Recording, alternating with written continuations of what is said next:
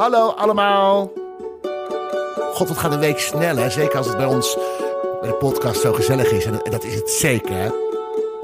We gaan het vandaag hebben over helden. Uh, mijn mediacafé helden zijn zo te gast. Dat is Cornel Maas, Michiel van Erp en Peter Vriend. Nou, helden zijn meer broeders, hè, want we zijn van dezelfde generatie. We gaan jaarlijks een paar dagen op vakantie. En dan uh, doen we op een middag op het strand. Gaan we dan rosé bestellen of witte wijn. En dan doen we het mediacafé. Gaan we allemaal praten over wat op mediagebied zich afspeelt. Dus we komen nu hier naartoe, want we zitten nu gewoon nog in Amsterdam. Om uh, dat gewoon een beetje na te spelen. Ik heb wel wijn in huis gehaald, voor het geval dat ze dat willen. En er komt een gigantische... Nou ja, hij zou langskomen door de treinen. Want als we het opnemen, de, treinen liggen helemaal... Weet je dat, Volker? De treinen liggen helemaal plat.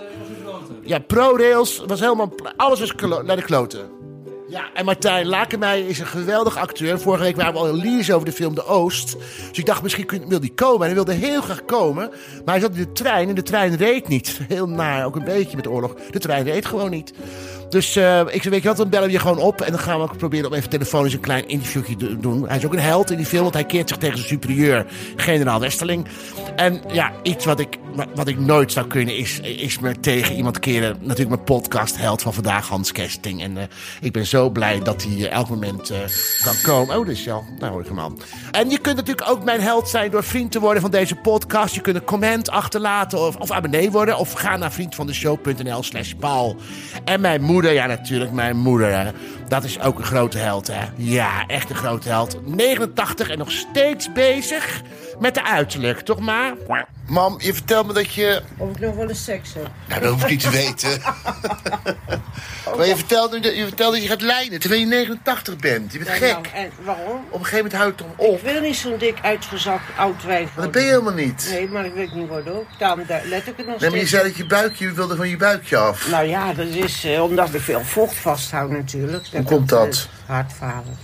Ik heb ook wel wat hoor, gelukkig. Maar ze zeggen allemaal, oh, wat zie jij er goed. Oh, wat ben je toch een mooie vrouw. Nou, eh, ze moeten eens weten, ik heb ook een heleboel kwaaltjes hoor. Maar ja, daar loop ik niet mee te koop. Maar ik vind wel dat mijn lijf verandert. En Maar dan je- zeggen ze, je had- dat hoort bij je leeftijd. Alles hoort bij je leeftijd. Nou, Ja, maar als ik dan zie, je hebt, eh, je, hebt prachtige schoentjes aan. Echt als van het die, nog glim bij mij. ja, glimmende showbiz schoentjes. maar dan inderdaad wel dikke enkels. Ja, dat is van het vocht. Omdat ik hartfalen Je heb. hebt toch plaspillen? Ja, maar goed, dat plas je niet allemaal weg.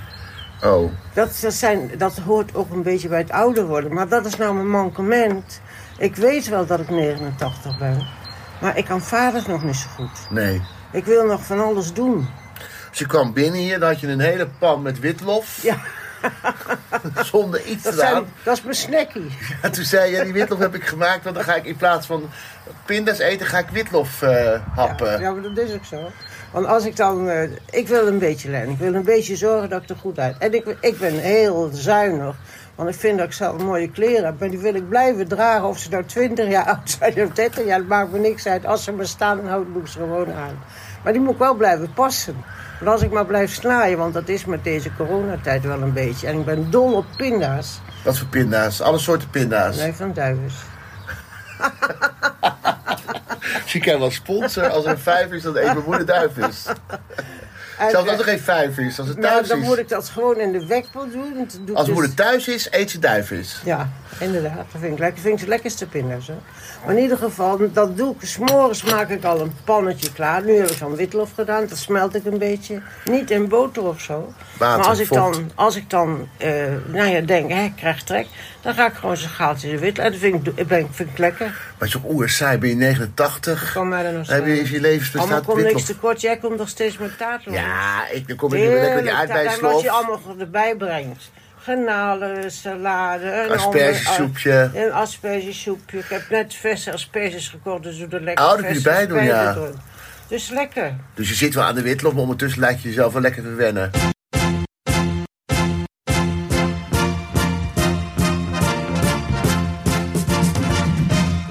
you feel down, En daar is hij weer hoor, mijn eigen vriendje Hansje, Hansje Hi, Kesting. Hi, hi, hi, hi. lullen. Positive thinking.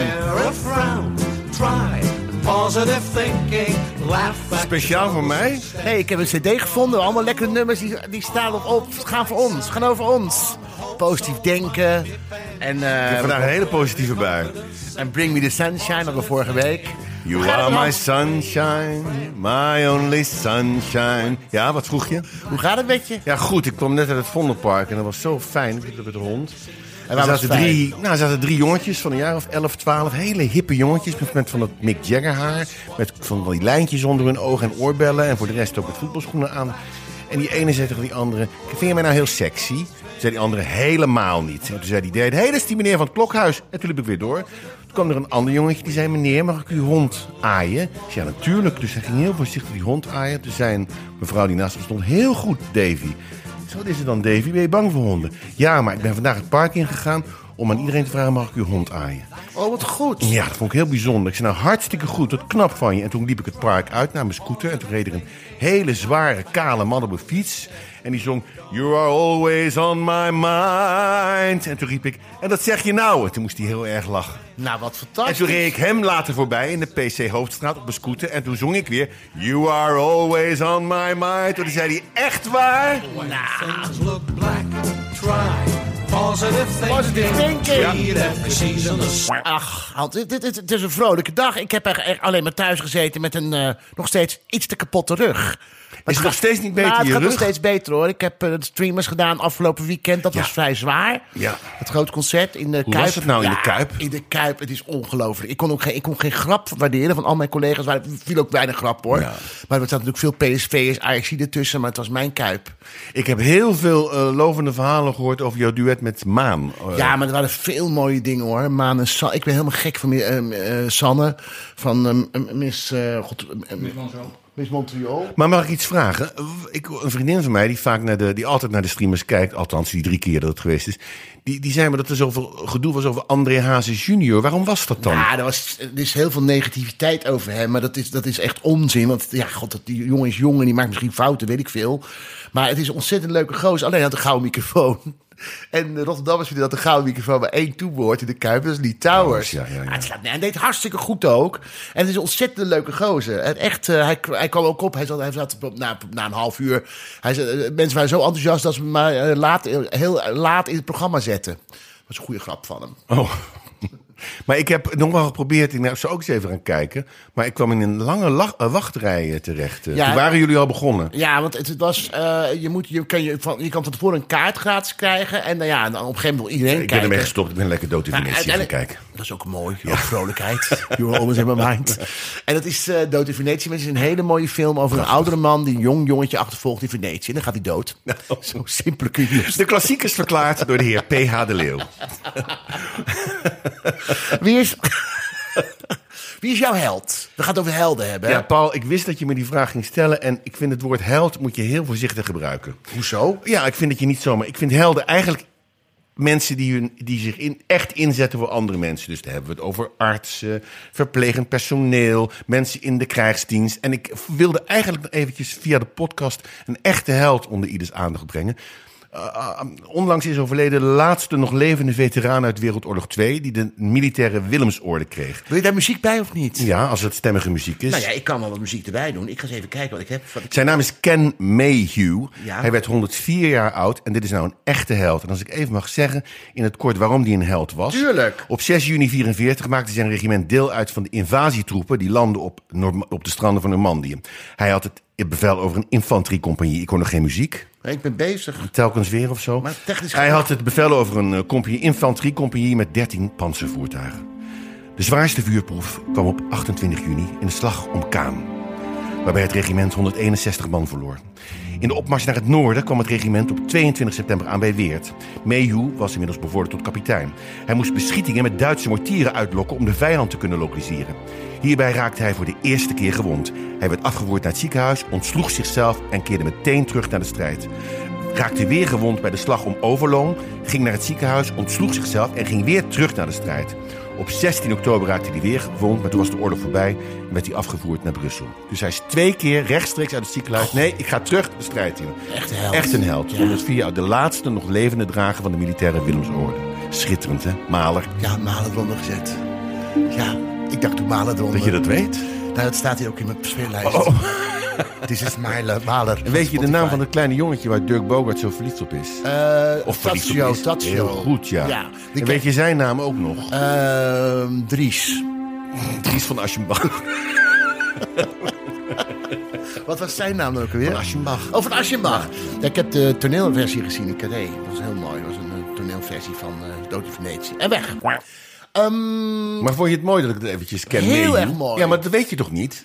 Wat? Dat weet je toch? Ik, wist, ik hoorde altijd die naam wel. Als er, als, als, als er nou, er zijn niet lang geleden is er nog eens een militaire Willemsorde uitgereikt. Dan is die, was hij er altijd bij. Maar ik ben nooit op gaan zoeken. Wat heeft die man nou eigenlijk gedaan? Nee, nou- wat heeft die man nu eigenlijk, wat, hij wat heeft die man nu eigenlijk gedaan? Hij heeft zich twee keer laten ontslaan uit het ziekenhuis en is weer het front op gaan zoeken. Ja, ja. Die ging wel heel snel door de tekst, maar maakt niet uit. Ja, maar want dat is bij mij blijven hangen. Hij is 104 geworden Ja. en hij was de laatste drager. Dat is volgens mij niemand. Die, dat, die eh, box is er ook nog Willems.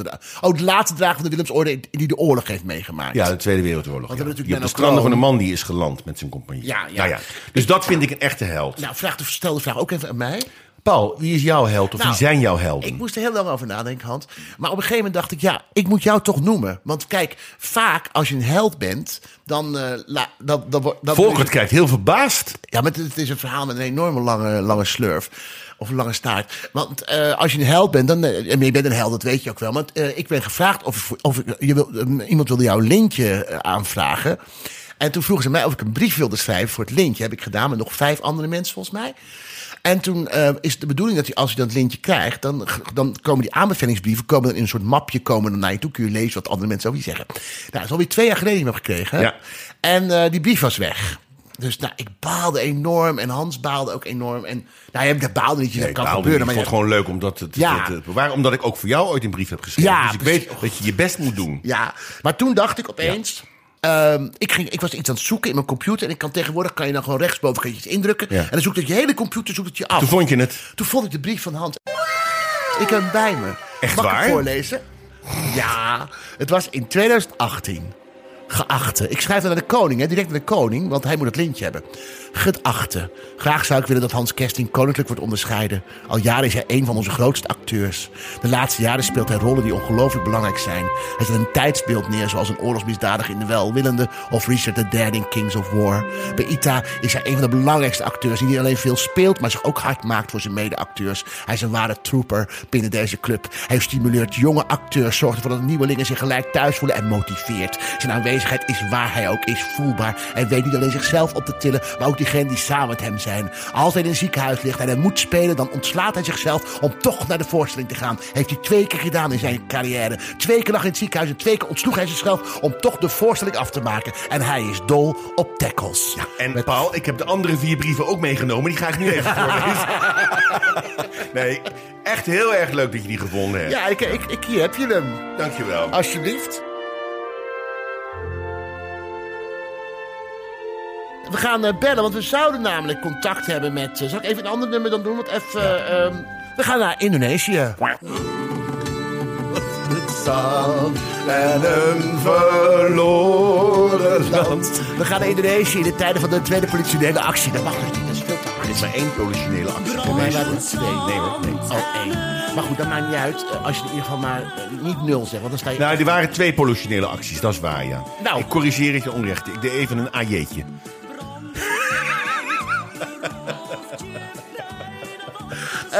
Express. We gaan bellen. we gaan bellen met... eh, ik dacht dat hij... Ja, we gaan bellen. en Anneke Grunlo? Nee, Oh. die is overleden, hè? Wanneer? Nee, joh, tijd geleden. Echt waar. Eh, we gaan bellen met Martijn Lakenmij. Martijn Lakenmij zou komen door het treinverkeer. Dat lag helemaal stil door ProMail, door ProRail. Is hij uit de trein gestapt en kan ik hem nu, als het goed is, bellen? Waar staat hij dan? Thuis is hij. Oh, hij is, hij is weer naar huis gegaan. Ja, maar hij zou, hij zou opnemen. in, in, in Zwijndrecht. Hé hey Martijn. Hey. Hallo Martijn. Hey. Hi. Hallo. Hi, hi. mij- Hallo, we, kijken, we doen even op FaceTime elkaar zien. Hallo Ja, Martijn. jongens. Daar ben ik er toch een beetje bij. Ja, want Martijn, we, we hebben je vorige week eh, nou, enorm veel veren in die eh, kont van je gestoken vanwege je rol eh, in de geweldige film De Oogst. De Oost. En we zijn Ja. ontzettend blij dat je wilde komen, maar nu hebben we je even aan de telefoon. Want het Ja. waren heftige opnames, begreep ik. Hè? Want je bent in Indonesië geweest. Hoe lang geleden is dat, zijn de opnames geweest? Het is alweer meer dan twee jaar geleden, begin 2019, zijn we 2,5 maand eh, daar naartoe gegaan. Ja, en, en ehm, dat waren heftige opnames. Dit is natuurlijk ook een heftige film. Zal ik even zeggen voor de mensen thuis: het, ging over een, ehm, het gaat over eh, een jongen die Johan, die is een Nederlands soldaat. Die staan met honderdduizend anderen worden uitgezonden om orde op zaken te stellen in Nederlands-Indië. En gaandeweg raakt Johan, dus eh, Martijn, in de ban van Raymond Westeling, een charismatische legerkapitein. En wanneer de oorlog escaleert en Westeling het eh, verzet van de bevolking steeds genadelozer neerslaat, wordt de lijn tussen goed en kwaad voor Johan steeds vager. Klopt het een beetje? Mooi opgelezen. Heel mooi opgelezen. Ja. Dankjewel. Raymond Westeling, overigens gespeeld, fantastisch ook door Marwan Kenzari. Ja, maar eh, Jonas. Smulders is ook geweldig. Jo, ja, ja, we kunnen ze allemaal op gaan noemen. Goed, dat zijn de twee grote rollen. Ja, Ja, ja. Maar Jonas Smulders is ook geweldig. Ja, ja. En eh, je hebt- even voor jou nog, Hans Kersting. Jij hebt de, de toneelschool in Maastricht gedaan. En Ja. heeft ook, Martijn eh, heeft daar ook nog aan mee willen doen. ja, daar hebben we elkaar over, over gesproken. Want we zijn elkaar ooit tegengekomen. In de Kerkstraat was dat toch, Martijn? ja Kun je ik nog het Zeker. Toen was hij net van de toneelschool. Toen kwam ik het tegen. Hoe gaat het met je? Ja, hij was een beetje gedesillusioneerd van de toneelschool af. Gestopt. Had, zag het niet zitten. Nou, in ieder geval... Ja, ik zal een paar positieve woorden gesproken hebben. Want eh, eh, we hadden hem al kunnen zien in Oorlogswinter, waar hij heel goed in was. Nou ja, en het is dus hartstikke goed gegaan met zijn carrière. Ja, het waren, zware, het waren zware opnames, Martijn, in Indonesië. Waarom? Ja, het is, eh, het is sowieso denk ik een hele uitdaging om, om in een ander land al een, eh, een film op te nemen. Maar Indonesië al helemaal, het is gewoon heel ver weg. Is gewoon, alles is anders. Alles is anders. Dus het was eh, in, in die zin een heftige opnameperiode, maar ook inhoudelijk, ja, de dingen die we, de scènes die we moesten draaien en, en de stof en de materie en het hele onderwerp is natuurlijk ook eh, heel zwaar. En dat weegt daar allemaal nog wat zwaarder dan, dan eh, hier op dit moment nog. Ja, want, Maar want- dat, dat speelde ook wel mee. ja, want met name bijvoorbeeld die, die volkeren, ja, die moorden die massaal werden, werden gepleegd. Hè, Westelingen haalden Ja. dan steeds Indonesische mensen naar voren. Die werden gewoon, er werd, werd de naam bevestigd. En werd, die werden gewoon keihard werden ze afgeknald. Ja. Ehm, ik begreep dat dat ook echt heel moeilijk was om op te nemen. Ja, ja dat, dat, dat zijn wel de scènes die, die echt het zwaarst waren, ook eh, mentaal. Voor Ja. iedereen. Ja, dus dit gaat echt over het stukje en daar zoomt de film dus heel erg op in. Dus ik vind dat wel elke keer belangrijk om, om erbij te vertellen dat deze film niet het hele verhaal van de onafhankelijkheidsoorlog vertelt. Maar het zoomt echt in op die standrechtelijke executies van, eh, van Raymond Westeling. En eh, ja, daarbij hebben ze dus maandenlang op Zuidse Lebes. eh, elke dag zijn ze dorpen afgegaan en in de vroege ochtend daar de mannen van de vrouwen en kinderen gescheiden. En dan kwam Raymond Westeling en die ging aan een tafeltje zitten met zijn, eh, met zijn wapens op tafel. En die, eh, die noemde een lijst met namen op en die mannen moesten naar voren komen. En die, eh die hoefde alleen maar te zeggen of dat ja of nee hun naam was. Ehm, en daar werden ze gewoon eh, ja, standrechtelijk geëxecuteerd. Om het even Ja, Maar het mooie aan de film is dat, dat je al die jongens ziet vertrekken uit Nederland. jonge jongens die naar dat land gaan wat niemand kent. En, en daar te maken krijgen met de, met de geuren, de kleuren, de, de mensen. En langzamerhand word je die trechter van het geweld, met name jouw rol natuurlijk, ingezogen. En, en kom je uiteindelijk Ja. in die vreselijke scènes aan het einde terecht. Hoe heb je je daar, ja, als een beetje al een flauwe vraag, maar ik wil hem toch vragen, omdat het een heftige rol is. Hoe heb je daar nou op voorbereid, eh, Martijn? Ja, ik heb, nou ja, om te beginnen, ik wist helemaal niks van deze hele oorlog en deze hele, dit hele stuk geschiedenis af. Eh, dus eh, toen, ik, toen ik ermee begon, was het voor mij überhaupt een, een enorme, eh, ja, een, soort studie, zeg maar. Dus ik heb daar, ik heb heel veel gelezen erover. Ik heb een aantal verschillende boeken gelezen. Ik heb ook wel reportages en documentaires gekeken. Er, er is dus al echt best wel veel aandacht aan besteed, als, je er, als je op zoek gaat. Zoals andere tijden, een programma is wat, wat meerdere afleveringen heeft gehad. Wat eigenlijk alles, ook wat in deze film wordt verteld, al behandelt. En je bleek een, een oom of een opa te hebben die, die in Indonesië gewoond heeft. Hè? Die, eh, die daar. eh, wat deed hij daar precies? Ja, klopt. Daar kwam ik, kwam ik ook achter eh, tijdens het proces. Nou ja, mijn, de moeder van mijn opa is daar geboren, want haar vader was dan weer in dienst als administrateur op een suikerplantage in Surabaya. Maar dat was ook een deel familiegeschiedenis wat voor mij onbekend was. Dus het is wel interessant dat dat, dat gesprek nu op tafel kwam door deze film. Eh, maar zo was dat eigenlijk bij heel veel van de jongens die, eh, die een rol speelden, of eh, gewoon deel van de crew, Nederlandse crew, die pas achter dingen kwamen en gesprekken gingen voeren met hun eigen familie naar aanleiding van dit project. Ja. Eh, ik denk dat heel veel mensen op die manier ook een soort band hebben met, met het verleden en met de kolonie eh, die tijd. Want we hebben daar gewoon drie en een halve eeuw ehm, Huis gehouden. dat, huis gehouden, ja, dat, dat land gekoloniseerd. Dus, Ja. het is heel logisch ook dat iedereen daar op de een of andere manier wel een verbinding mee heeft. Ja, en het mooie is dat er ook een. eh, eh, van Kousbroek heeft een heel mooi eh, boek geschreven, Revolutie, wat ik heb gelezen. Ook met een mooie documentaire aan gekoppeld op televisie. En dat is ook een Ja. prachtige, prachtige. Wel, nee, Walter van hoe heet hij? Walter van Heijbroek heet hij, geloof ik. Ja, Rijswijk, ja. ja, dat je is. bedoelt Walter van Rijbroek. Ja, Revolutie.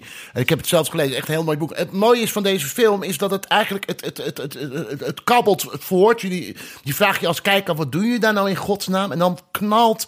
Dan komt Westering met een vertrouwensband met jou. En dan opeens langzaam dan... eh, ja, dan wordt eigenlijk je keel, je keel dichtgeknepen. Niet alleen jij in je, in je rol, maar ook wij als, als toeschouwer.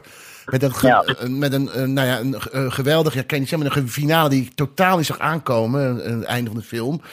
Ben je blij dat de Ja. bioscopen deze week weer open gaan? Want dat betekent dat we het op het grote scherm kunnen gaan zien, Martijn. Wauw, wat een gigantisch feest. Daar hebben we toch allemaal op gewacht? Dat de bioscopen weer open gaan?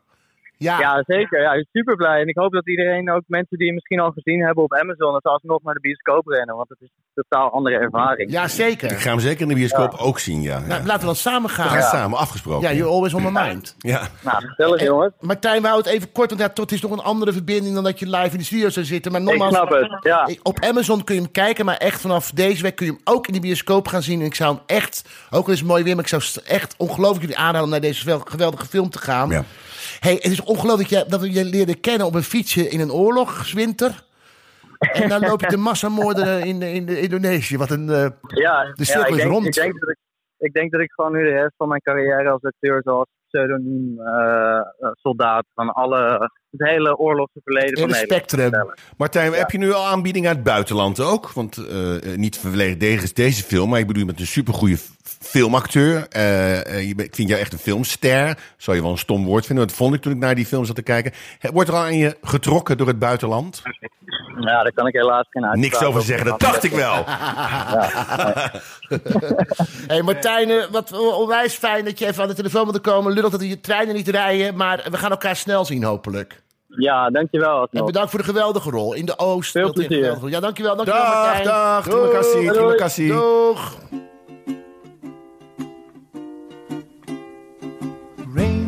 Are falling on my head.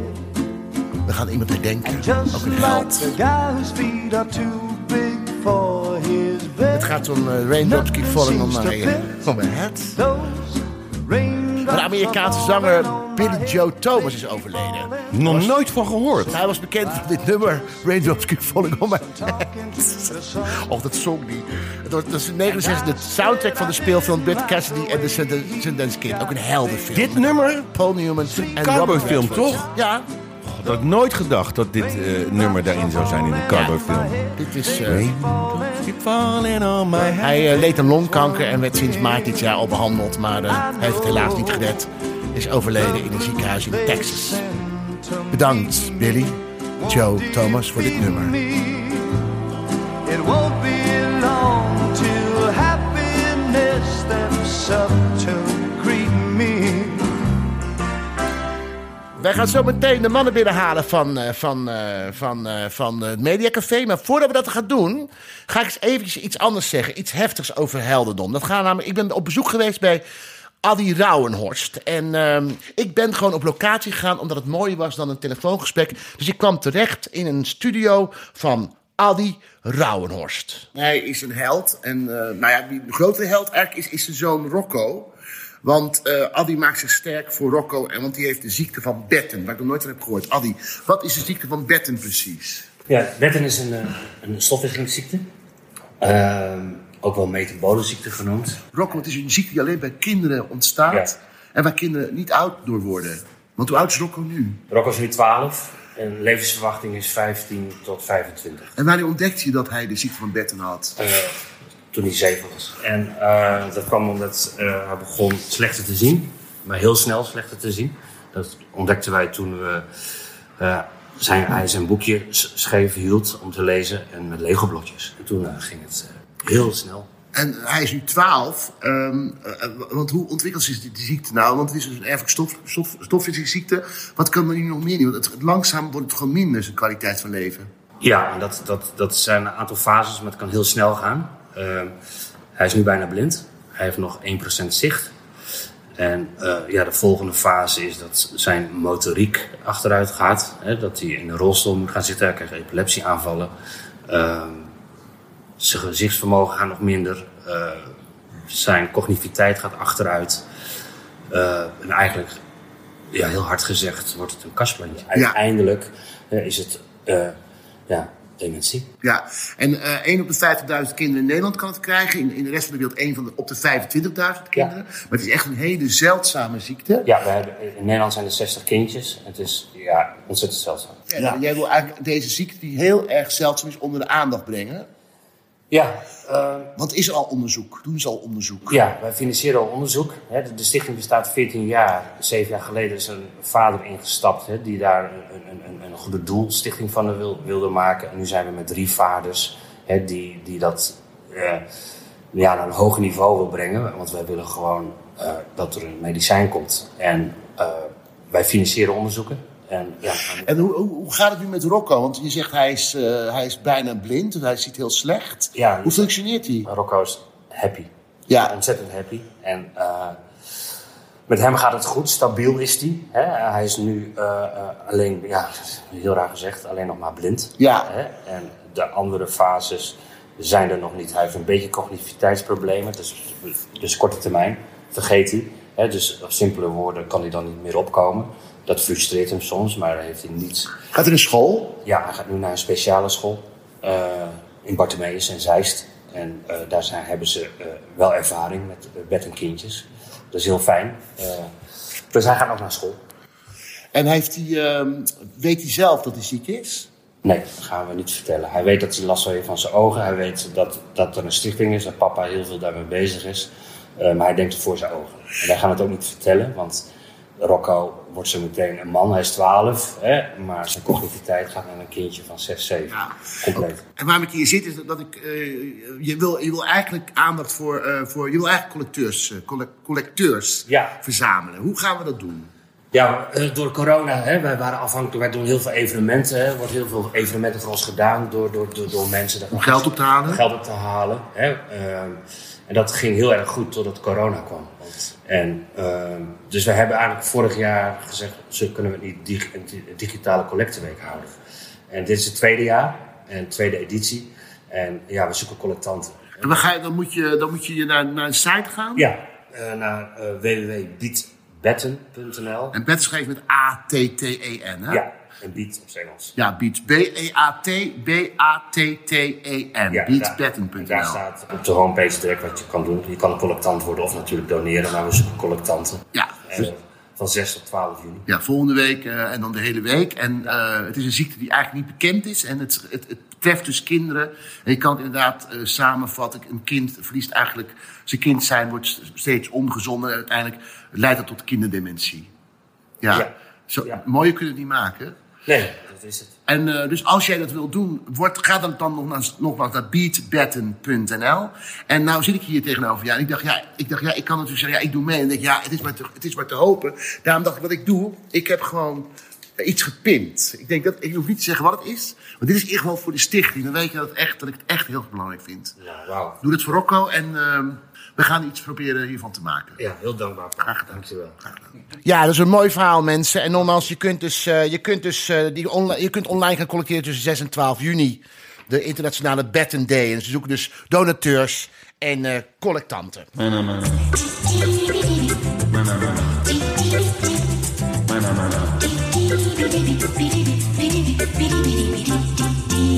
Zeg, uh, we hebben hier het Mediacafé weer compleet voor de tweede keer. En uh, ik stel even de mediamannen aan u voor.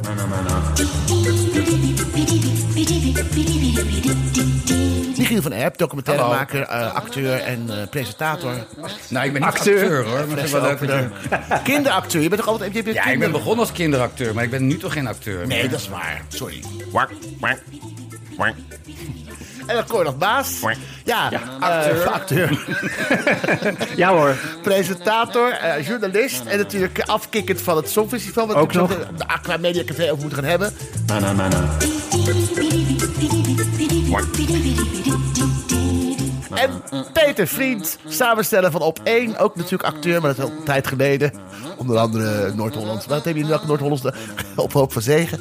En eh, ja, eh, tv, eh, eindredacteur en samensteller. En nu voor het laatste jaar van, van het programma Op 1. En wij werken ook samen op vrijdag. het programma samen met Astrid en, en mijzelf. Dat zijn de kandidaten. Dat zijn de deelnemers. En gelijk de wijn is opengemaakt. Zullen we even proosten op het leven, jongens? Yes. Ja, op het leven. Er zal maar veel geld voor betten opgehaald mag worden. Proost, jongens. En eh, laten we maar gelijk vertellen wie. we het, het thema is eigenlijk helden. Dus ik leek me wel leuk om jullie te vragen: wie is nou jullie eh, televisieheld? Mag de held zijn van nu of van vroeger? Ja. Jij? Ja, wil ik er één doen of twee? Ik, doe, ik, Eén. ik noem maar... Oh. Je moet een keuze Nou, maken. dan, noem ik, eh, dan, noem, dan noem ik lekker Harry Gele. Jeetje. Mooie keus, ja. Omdat hij eh, natuurlijk een buitengewoon getalenteerd tekenaar is en een eh, getalenteerd schrijver is. Maar omdat hij, ik ben opgegroeid met zijn programma's vroeger. Oebelen schreef hij en Hamelen schreef hij. En wat hij zo geweldig goed kon was nieuwe woorden introduceren in het taalgebruik van de karakters. Die als eh, vanzelfsprekend voelden, alsof ze onderdeel waren van de taal. En ik ben hem altijd blijven volgen, heb hem ook geïnterviewd vaak. En nou ja, door hem En hij leeft nog, hè? Even hij leeft nog met Imme Dros samen. Dat is eh, schrijfster ook van veel grote jeugdboeken... die veel klassiekers, de grote klassieke schrijvers heeft bewerkt voor kinderen. En ehm, door hem heb je dan eigenlijk door zijn werk ook... nou ja, iconen leren kennen als Willem Nijholt, als Rob de Nijs... als Loekie Knol. Loekie Knol, niet te vergeten. Niet te vergeten. Martin Brozius en zo verder. Wat een goede, wat een goede naam. Dat had ik. eh, wat mooi, wat mooi. We gaan naar Peter Vriend. Ja, ik kwam... eh, Sonja, Sonja Barend. Ja. Ja. Die, woont, die woont hier in de buurt. Als je waar? wilt, komt toch even een glaasje wijn drinken? Ja, Sonja als je het hoort. ja, ja, als je het hoort. Oké, En volgens mij is ze in Frankrijk. dan hoort ze ons. Nu al? Nou, eh, ik heb er vorige maand nog eh, gesproken. Waarom?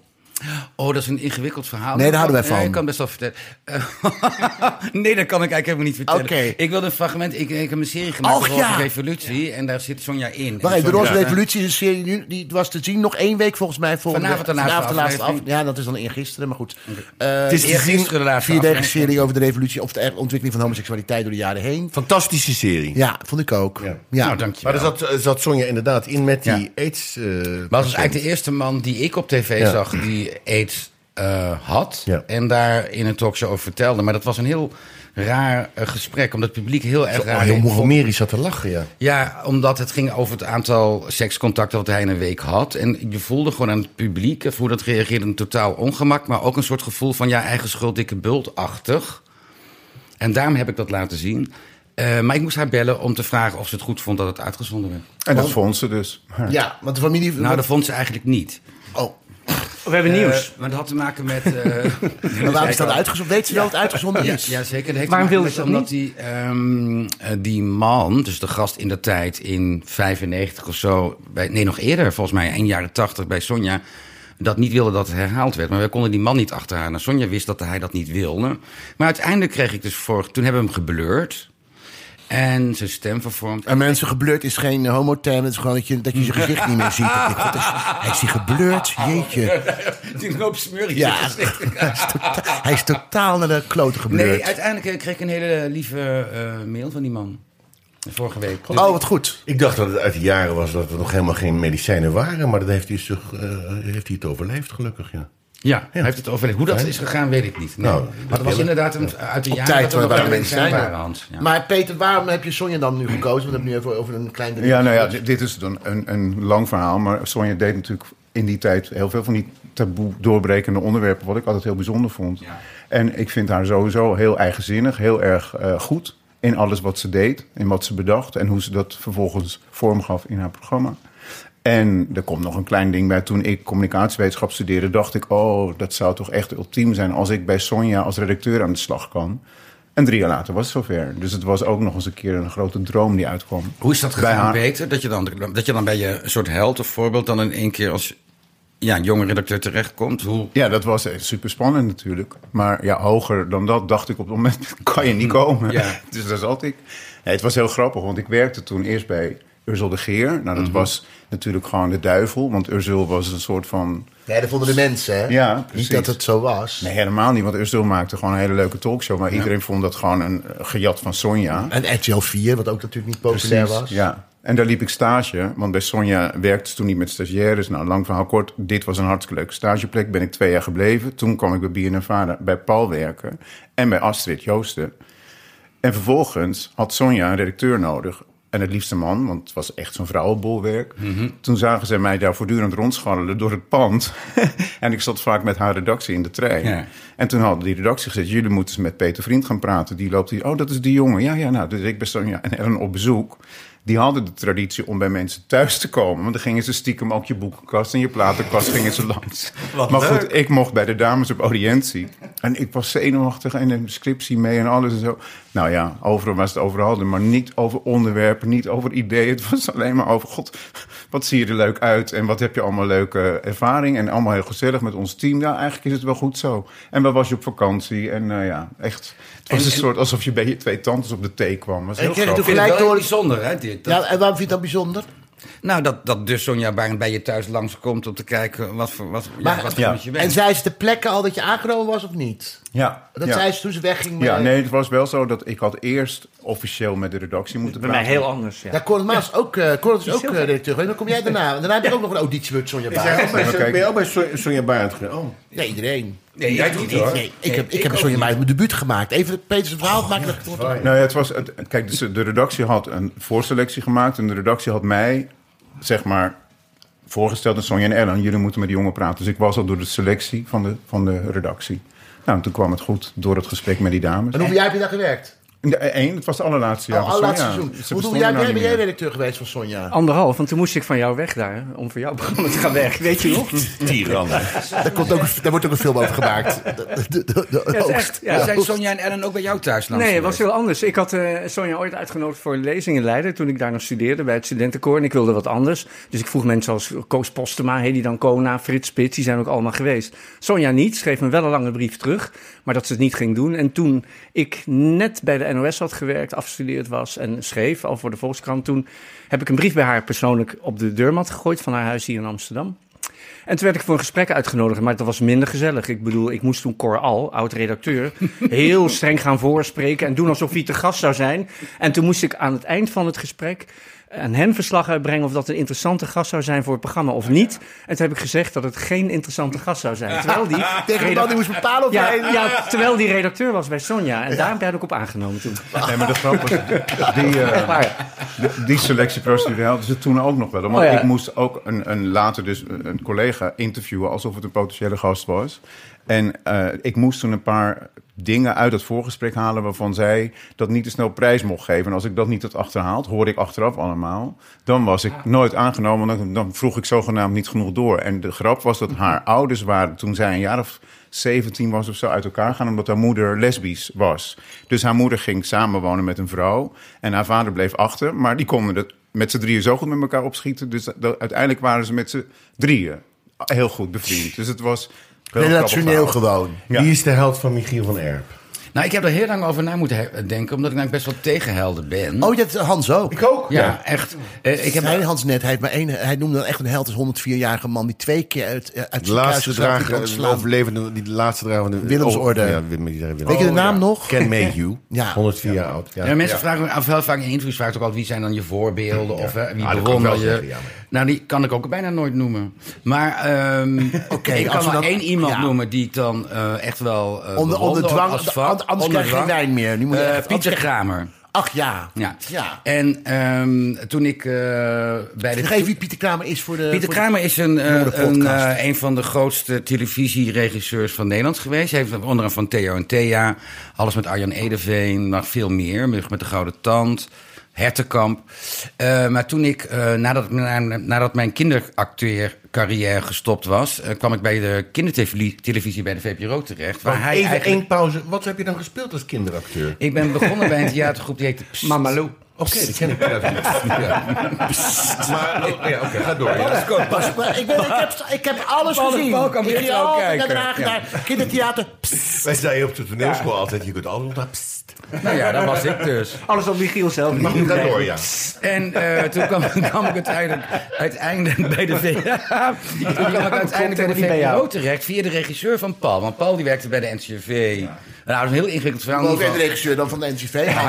Kwartel. En die was net, Vriendin van over, ons. en die was net naar de VPRO afgestapt, ja, ja. de kindertelevisie, waar Pieter Kramer net weg was eigenlijk met eh, Theo en Thea. Maar ik bewonderde hem heel erg, ook omdat hij eh, en theater deed... en eh, de nepdocumentaires, heel erg drama, cabaret. En toen heb ik hem een brief geschreven... Toen woonde hij nog ergens hier op de Wallen in de buurt. En dan heb ik een brief geschreven of we een keertje konden praten. En toen was ik net bij, bij de Schreef van de Leeuw weg, bij Paul en bij jou. En toen ben ik bij hem op bezoek gegaan. En toen stelde hij voor om dan samen de Gay Games in Amsterdam te gaan verslaan. Maar zover is het nooit gekomen. Maar het was wel een hele wonderlijke ontmoeting. En we, we- ik, heb- ja, we zien elkaar nog. Ja, mooi verhaal. Heel mooi, verhaal. ja. En wat is jouw tv-held? Herman Emmink. In zijn goede tijd. Tulpen uit Amsterdam. Deze is toch altijd in de goede tijd gebleven? Nou, ik heb Herman Emmink in zijn goede tijd. Wat voor mooi dat je dat weer noemt. ik ben zo blij dat je dat noemt. Want ik heb speciaal voor jou, omdat je dat misschien helemaal niet weet. Regendruppels vallen op mijn hoed. Nee, Herman Emmink heeft gewoon altijd lekker gezongen. En hier is hij hoor, Herman Emmink. Niet muzikaal is. Als de lente komt. Ja, Een homo universalis. een homo universalis. Maar ook heeft hij met Tante Veronica gezongen bijvoorbeeld. En een man die altijd een trenchcoat heeft gedragen. Ja, hij, nee, hij is dood hè. Nee. Sorry, ik ga naar huis. Ja, dat- Ja, genoeg nu over Herman Emmink, ja. Ja. Zeg, het, is, het is opvallend, want jij noemt Harry Gele... en je noemt ook eh, Emma Dros, Sonja Barend... eh, Pieter Kramer. Ja, hij heeft ook boeken geschreven. Dat komt goed uit, want we kunnen nog steeds... al die, dat zijn hele goede schrijvers eigenlijk. Want eh Sonja Barend heeft later weer een stuk geschreven... Heel mooi dat boekje. televisie mist. eh, Echt een heel mooi boekje. Maar ook een boek over de, over de oorlog... dat ze de vader eigenlijk nooit gekend heeft. Gewoon eh, bespiegelingen in coronatijd. Dat Ja, was het een Dat beetje. het laatste Mooi. boek, ja. Maar als je nou zelf thuis God, eh, Sonja Barend schrijft en Harry Gele, dat is echt fantastisch. Maar ook in Dros om die te lezen. Dan kun je nog steeds gebruik, kun je nog steeds gebruik maken van onze geweldige aanbieding. En die aanbieding is nog steeds, noem jij het even Hans, weet jij nog hoe het ging? Nextory. Next to ja. Next story. Dus Nextory. N-E-X-T-O-R-Y. En daar kunnen wij je een aanbieding doen. Je kunt 45 dagen kun je gratis lezen als je lid wordt van deze app van Nextory. Dan moet je gaan naar www.nextory.nl slash de leeuw lult. Dan moet je dan een vouchercode invullen. Dat is de leeuw leest. En dan, moet je, dan word je helemaal geholpen. En dan kun je 45 dagen kun je gewoon Dit is een streaming service, eigenlijk een hele grote bibliotheek met 270.000 titels. Ja, en je kunt dat streamen. Je kunt streamen en dan kunnen daar een actie. Dus een actie als je dus naar www.nextstreet.nl gaat. Vul dan de unieke vouchercode in. Vouchercode in. De leeuw leest. En dan kun je 45 dagen kun je boeken streamen. 45 dagen.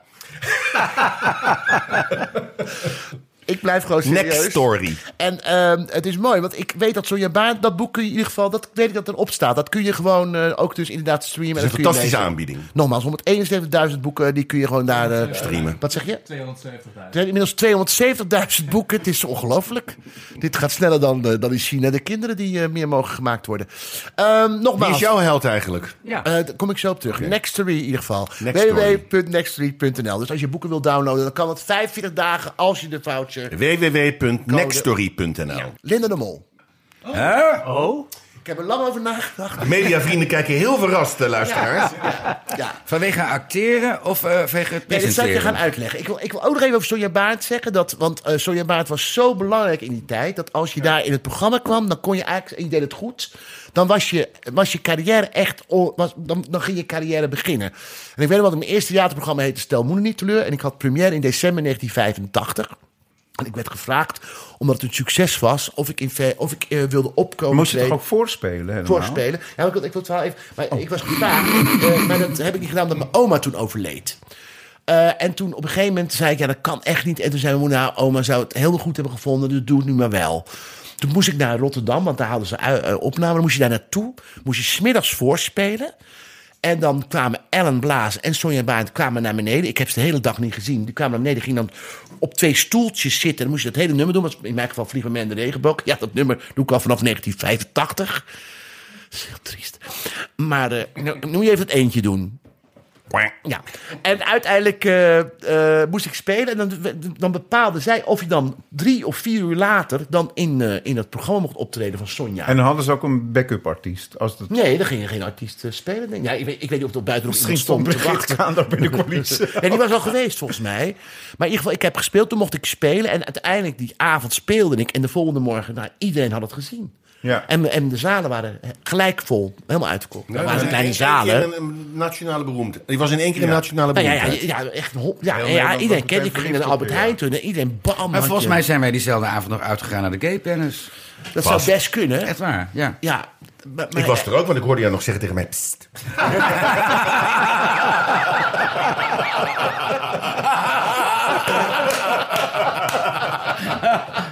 Nee, maar je weet, jij was daar ook altijd. Hoor die vrolijke lachjes, mensen. Linda de Mol. Omdat ik namelijk... Ik zat na te denken, wat is nou je held? Maar we zijn, natuurlijk, we zijn tegelijkertijd begonnen, Linda de Mol en ik. En Linda is een heel andere... Ik ben heel snel van start gegaan. En Linda is langzaam met... Heeft kilometers gemaakt. Is, ik begon eerst met het rare beest. Die rare hond bij MTV begon ze. En daarna begon ze een talkshow waar ik ook in meedeed. Waar ik na drie afleveringen werd ik uitgegooid. Want ik was te, te de- debiliserend voor woorden. Wat speelde je dan? Ja, ik speelde een roddelverslaggever. Het was echt heel gênant. En Kees de Daas, de directeur van de TROS, heeft me persoonlijk echt gezegd dat die gozer moeten uit. En Linda en ik hebben natuurlijk altijd contact gehouden. En ehm, ik vind dat zij zo onge... Kijk, ik ben iemand, ik laat me vallen, ik zie wel waar ik terecht kom. En dat is ook, heeft ook heel veel voordelen. Maar wat je ziet aan haar is dat ze heel goed nadenkt... wat zijn de stappen die ze neemt door de jaren heen. En ze is nog steeds... Bedoel, misschien, misschien de laatste programma's bij SBS wat minder. Maar heel erg succesvol. En als dan nu weer... Ik ben al drie jaar bezig om een, een, een comedy-serie over televisie. Ik heb vier afleveringen geschreven. Maar ja, doordat ik weer dommig bezig ben, gaat het niet door. En zij zegt van... Ik volgend jaar komt er een serie over televisie. Dan weet ik zeker, die komt bij haar. Die wordt gewoon gemaakt. Ik vind haar dat ze heel gedisciplineerd is. En ik vind dat ze echt heel goed is. Maar is haar discipline iets dus wat je bewondert? Iets, iets- Ja, maar vind ik sowieso... Iedereen vindt dat, discipline. Maar je hebt zelf helemaal geen discipline. Ja, wel, maar op een andere. Ik Maar heb, Paul, er is ook een groot verschil tussen jullie twee volgens mij. ja, maar goed, het gaat erom wie een held is. Ja. Oké, voorbeeld. ja, ik hou mijn mond. Nee, je mag je moet nooit je mond houden. Nee, je moet nooit je mond houden. Nee, maar ik vind het gewoon... Ik dacht, ik kan, ik kan veel mensen noemen. Ik dacht, ja, maar Linda, ik ben altijd benieuwd wat ze maakt. En hoe ze het maakt en hoe ze het doet. Ja. En ehm, nou, er zijn ook wel dingen die wat minder, minder lukken. Maar ook, ja, ik vind dat ze heel veel dingen wel heel goed lukken. En ook nu weer had ze dan weer zo'n co- cover van de Linda. Waarin ze dan eh, Maxima. Ik denk, verrek, ze lijkt er echt op. Hoe ze dat doen, weet ik ook niet. Met het hele, dat hele stijl team. Maar je zet er niet mee eens, zie ik. Ja. Oké. Ja, ben er zeker wel mee eens. Ja, ja, ja. Het is Oh, niet mooi. een heldin, maar ik vind het een hartstikke goede uitleg. Goede keuze, Ja, toch? zeker. zeker. Maar ja, helden zijn ook vaak mensen die ehm, eh, op een grensverleggende manier het verschil hebben gemaakt. Die tegen de keer in een risico hebben genomen en Ja. iets hebben gedaan, zoals Wim T. Schippers dat bijvoorbeeld ook voor mij is van vroeger. Dus daarom verrast het me. Maar niet vanwege haar grenzeloze perfectionisme en de geweldige presentatiekwaliteiten en de, de, eh, nou, de consequente manier waarop ze dat medium televisie Nou, en, en blijft verzamelt volgens mij heel goed hele goede mensen om zich heen. Ja, en er is ook echt... Dat is ook een talent, hè? Wat zeg je? Dat is ook een talent. Dat is een enorm talent. dat is mijn talent ook, om goede mensen om. En die mensen Zeker. al lang... Daarom zijn wij hier. Mag ik even vragen, Cornel, jij als eh, songfestival-kenner, puur Ja. zang. Er was toch ooit een tijd dat het de ware was dat als het songfestival in Nederland kwam, dat Linda de Mol en Paul dat dan toch zou presenteren, of niet? Nou ja, ze hebben het Nationale Songfestival een aantal keer gepresenteerd. Oh, maar ja. ja. Maar wij zijn te, wij zijn te oud. Kwak. Dat is Heel ja, nee, oké, maar, dit- maar als het ooit in de juiste tijd, jeugdige tijd nog... Maar wie bepaalt eigenlijk dat jij te oud hebben. bent, Paul? Eh, dat, dat, nou, dat kan ik zelf nog wel raden. Maar eh, er is natuurlijk. Je bent, eh, ik ben 8, 59, dan was ik 57 toen ik begon. Dan weet je natuurlijk dat er een jongere generatie. die moet daar staan. Misschien combinatie had gekund met, Ja. met jonge mensen en oude iemand. Maar ik begrijp heel goed dat ze voor deze drie mensen hebben Nou, gekozen. vier, en, en, maar dan nog. Vier, en, en, en Nicky Tutorials was een grote aanwinst, zal ik maar zeggen. Maar het is ook een totale omroep politiek. Nou, gedrocht niet geweest, maar ongeveer eigenlijk wel. Als in dat iedere stem van elke partij daarin eh, vertegenwoordigd moest zijn. Als je- De gemiddelde bedoel je? Nee, bij die, ook bij de keuze voor de presentatoren bedoel ik. Ja, ja. Ik snap dat wel. Eén iemand is Chantal vandaan, Jan van Afrotros, uh, Nicky Tutorials als verrassing, Edcilia Romley. Ja. Maar het is niet zo. We hebben een heel ingewikkeld omroepsysteem. In het buitenland heb je maar één eh, publieke zender, klaar. Maar hier heb je een publieke zender Ja. die bestaat uit zoveel verschillende omroepen... die allemaal een eigen aandeel daarin moeten Maar hebben. ze hadden Maar- ook dus kunnen bedenken in niet Chantal, maar Linda. Dan hebben we ook Nee, maar ik Ja, zou me voorstellen, waarom zou. Paul dat niet kunnen presenteren? Nee, ik kan het wel presenteren. Maar nogmaals, ik kan me voorstellen dat, dat, mijn, dat, dat er een jongere generatie dan eh, de voorkeur heeft. En dat begrijp, dat begrijp ik ook heel goed. Zou raar zijn als ik, dat, als ik 35 zou zijn geweest, 40 en ik zou eh, zien het songs, want dat is dan een, een Herman Emmink zouden vragen. Ja, maar toch, eerlijk gezegd, eh, Terry Wogan heeft het ooit gehost voor Engeland. Dat deed hij fantastisch. Israël had eh, twee jaar geleden nog, de, is een man van rond de 50, die echt een icoon is daar qua journalistiek, die het journaal presenteert. Het kan best. Ja. Ja. Dat hele Ja. gedoe van dat het per se jong moet zijn. dat Ja. heb ik Maar eerlijk gezegd, ik heb zitten kijken natuurlijk. Ehm, het Songfestival? Nee, ja, natuurlijk. Ja. Maar nee, maar ik bedoel, wat is er eigenlijk aan om het te presenteren? Want je bent gewoon eindeloos die autocue aan het oplepelen. En je hebt natuurlijk, en ik vind alleen de puntentelling heel leuk en spannend. Mm. Nou, die Als presentator bedoel ik Dat dan. is waar, want je hebt natuurlijk als commentator zoals ik veel meer vrijheid om te zeggen wat je wil. En zelfs dat is al. Ik vond het trouwens wel heel geweldig. Was geen kritiek op wat ze deden, maar meer Ja, wat maar als het je het goed doet, is. Nou, maar de, wat niet te onderschatten is, eh, wat Linda de Mol bijvoorbeeld, jij net noemde, heel goed kan, is dat je, als je aan allerlei regels vastzit, aan autocue vastzit, wat dan ook, om dan de slag te maken zodanig dat het publiek voelt wat jij zegt, dat is een heel groot talent. Zelfs Ja. binnen de beperkingen van een tekst of een script. En daar zijn ze wel in geslaagd. En bij de puntentelling bijvoorbeeld, daar moesten Chantal Jansen en Jan Smit zich echt bewijzen. De spanning vasthouden, opbouwen, nog een keer opbouwen, nog een keer opbouwen en dan weer niet. En, en dat ze echt goed van En die stiltes nog een keer rekken, nog Ja. een keer rekken. Zouden ze daar les in hebben gehad, een beetje? Wel zeker. Oh ze ja? hebben, ja, ja, ze hebben sowieso allemaal, bijna allemaal, eh, natuurlijk bij de non in Vught, de eeuwige non in Vught, om het Engels Taal, bij te ja. spijkeren. Maar ze hebben heel veel gerepeteerd, Jan en Chantal samen, weet Ja. ik. Eindeloos avonden, al door maar jureringen. En, en tijdens Ja, maar ook, ik bedoel vooral ook in, in, het, in het talent om de spanning te laten bestaan. Ja, om ja. dat nog te rekken, te rekken, Ook, te rekken. ja. oh ja, En ja. ook wat ze deden, want ik heb natuurlijk al die repetities gezien, maar ook die dress rehearsals. Dat dan plotseling werd er bij wijze van spreken, of eigenlijk echt expres een fout gemaakt. Dat was dan denk ik nog wel afgesproken met Chantal, maar niet helemaal zeker weet ik dat. In elk geval, wat je dan zag was dat zij opeens moest inspringen en dan een verhaal vertelde, tijdens een repetitie dus.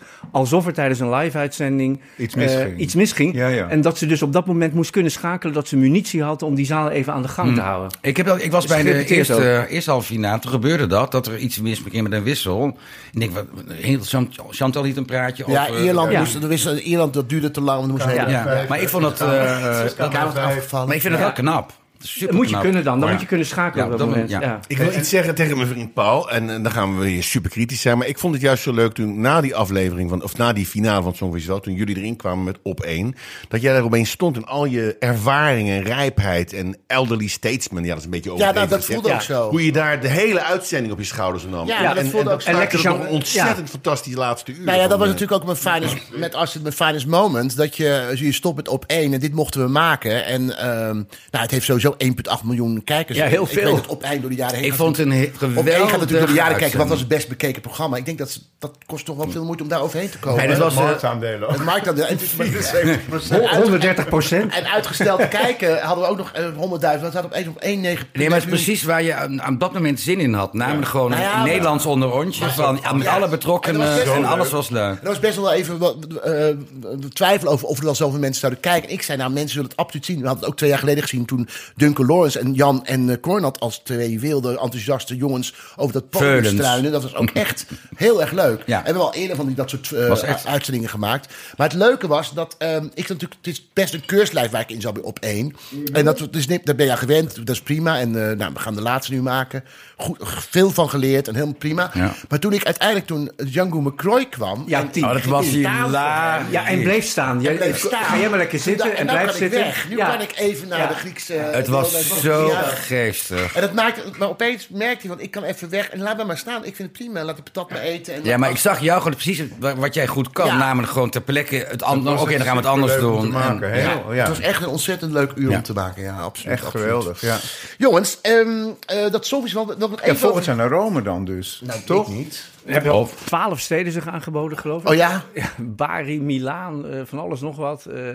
Maar die, ja, die jongens, maar die eh, jongens komen uit Rome, toch? die komen uit Rome. Ja. Ze hebben een grote hit ook nu, hè? Ja, het is- ze staan, eh, In was dus Nederland met ook. Sonja in Rome. Wij maken die nonnen. ging die precies. nonnen achtervolgen. Ja, dus Sonja moet naar Rome. Volgend jaar. Hey, maar Met Cor ook Cornald, mee. is het een grote hit door heel Europa? Op dit moment, wel. Eh, eh, in Engeland staat bijvoorbeeld 17 en het is geloof ik nou, ongeveer... Arcade kwam tot 37 een paar jaar terug.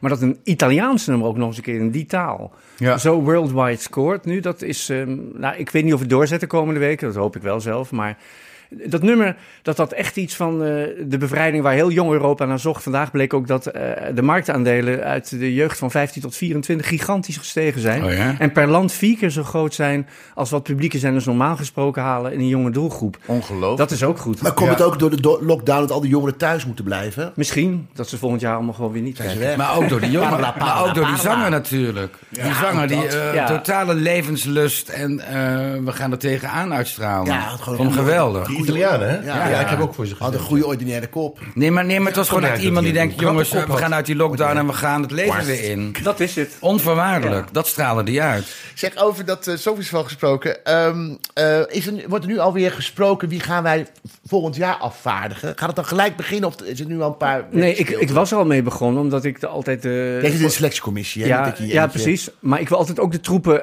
eh, vooruit zijn dat ik niet wil dat eh, een keuze die je maakt als omroep afhankelijk wordt van het resultaat dat je geboekt hebt. Dus ik wil maar zeggen, Jean-Guy Macroy, nu die, eh, trouwens ook een leuk nieuwtje, van alle landen heeft Nederland de, de minste punten van de telefonie gekregen, van heel Europa. Net daarvoor Engeland, maar Jean-Guy was echt helemaal onderaan. Kun je het Ja, hij aangehaald in de New York Times. Dat is toch niet de minste krant. Als Nee. het meest belangwekkende nummer. Precies. Ja. Dat als Omdat het om Black nummer- Lives Matters ging.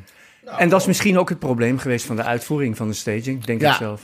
ja het, het, het, het, het was, het was vrij eh, eh, heftig. Ja, Het, het kwam het was niet een nummer dat zei kom maar, kom maar, kom maar. Het was een nummer dat zei wow. Ja, Wij hebben een struggle gehad, die ga jij ook beleven als publiek. ja, en je zult ja. hem krijgen ook. En daar Dat was eh, ja, ja. het gefundeerde idee overigens ook van de staging. Althans in de opvatting van Jean-Gu en Perquisite en Hans Pannenkoeken. Die Ja, daarvoor Maar moet die mevrouw waren. van The Water, The Water, Water. Davina Michel. Davina Michel, Nou, ja. ik hartstikke heb er nooit leuk. van haar gehoord, maar ik ben niet... eh, Nou, ik vind voor haar geldt wat voor iedereen geldt als ze een verdomd goede eh, song heeft. Want er zijn heel veel goede zangers en zangeressen Ja, ja, in Europa. Dat zegt Ik toch zelf niks. zoveel aan hoor, eerlijk gezegd, de Water. Zag er Nou, beeldschoon mooi. Ik vond Nee, dat was fantastisch wat ik zag. Maar, als- maar, eh, dat nummer ga je toch niet thuis opzetten? Nee, Tijdens het yoga? maar, eh, of, toen eh, zo hoorde ik die mevrouw zingen, Davina Michel. dacht jezus, wat een blok, eh, dijk van een stem. En Nou, dat heeft zeker. ik over haar op. En zij is echt heel erg eh, gezien in de Maar wat jij Maar het leuke was dit jaar bij de uitslag, hè, dat alle nummers die, eh, die mainstream, eh, mainstream eh, Zweedse popproducties, die zijn allemaal afgestraft. Zweden zelf is buiten de top 10 geëindigd voor het eerst in 10 jaar. En al die ingekochte producties, zelfs Malta, dat favoriet was bij de Ik boekmakers. dat ze heel daar irritant onderin- was tijdens de... Ja, maar dat maakt niet uit voor wat mensen thuis ervaren. Nee, ik vind het leuk om een weekje dat in te gooien. Maar zij was eh veertiende bent bij ook soms irritant televoting. tijdens de repetities. Wat zei Cornat? Kwaak. Nou, ik vond de uitslag zo leuk, omdat ehm die hele top 5 vol stond met eh, oorspronkelijke, authentieke nummers in de eigen taal. Van Italië, Frankrijk, Zwitserland, IJsland en Oekraïne. Dat was echt een super top 5. Ja. Ja. Ja, wat ook een van mijn, mijn dierbare nummers. Maar wat jij zegt, er zijn nu al be- je bent nu al bezig, eh, de troepen vooruit, om, eh, om mensen al te, te, te kwalificeren. Ja, dat betekent Maar- dus dat, eh, dat, dat mensen zelf songs kunnen insturen. Daar is actief een oproep door gedaan. De dag na de finale door Avrotros, op de website ook. Maar is ook al door de media opgepikt. En we praten ook, of althans laat ik voor mezelf spreken. Ik praat af en toe met mensen waarvan ik denk zelf... zouden interessant kunnen zijn. Want En hoe- Je ik mag geloof noemen nooit... wie, hè? Hè? Je mag het ook niet zeggen wie.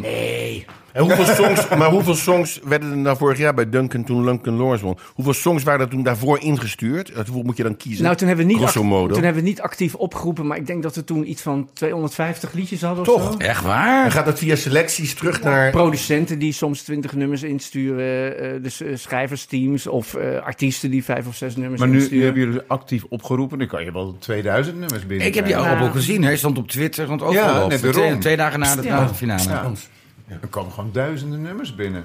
We, zullen- we zijn heel benieuwd wie uiteindelijk volgend jaar ons land vertegenwoordigt in Rome. Dat zal het al neerkomen. Ben je al aan het schrijven? Nee, ik ben niet aan het schrijven. Maar ik wil nog één vraag voordat we Je eruit mag gaan. altijd alles vragen. Ik was van de week bij een tv-uitzending, is de gast met te praten over Romeinse tragedies, onze toneelvoorstelling die op tv Bij de is. vooravond, En toen toch? werd, bij de vooravond, ja. En toen werden nominaties voor de Nipkoff-schijf, sprij- schijf, hè, heet het, hè? Nipkoff-schijf. Nipkoff-schijf. Wie moet winnen? Of wie is vergeten? Nou, eh, Zo- we hebben niet veel tijd meer, maar ik wil toch vragen. Jullie zijn experts. De nominaties zijn eh, eh, is, eh, even tot hier, Nieuwsuur en... eh Zaad van Kabaat? Koen Verbraak. nee, nee, Koen Verbraak Koen- over het, eh, Wat- Ik breed. vind dan eh, even tot hier. Ik vind ook even tot hier. Cornald. Als je moet kiezen, Cornat. je bent die één met de keuze. Wie van de drie? Is alle drie mijn keuze niet, nee. Nee, nee, dat is ook goed. Dat is ook een keuze. Nee, ik zou een nieuwsuur doen. Ja, nee, dat vond ik eigenlijk niet. Die presentatoren waren verschrikkelijk goed. Maar Je ik wil vond- zelf niet zeggen wie. Nee, maar, ja, nee, nee, ik vind dat de verbeelding niet is gevierd bij deze Als jij mocht nog geven, wie zou hem dan Dan krijgen? zou ik uiteindelijk even tot hier doen, denk ik. Van deze drie. Dat zal het ook wel worden, denk ik trouwens. Oké, nou. Bedankt jongens. Het was echt weer waar genoeg om jullie aan tafel te hebben. En ik voel dat podcastluisteraars denken...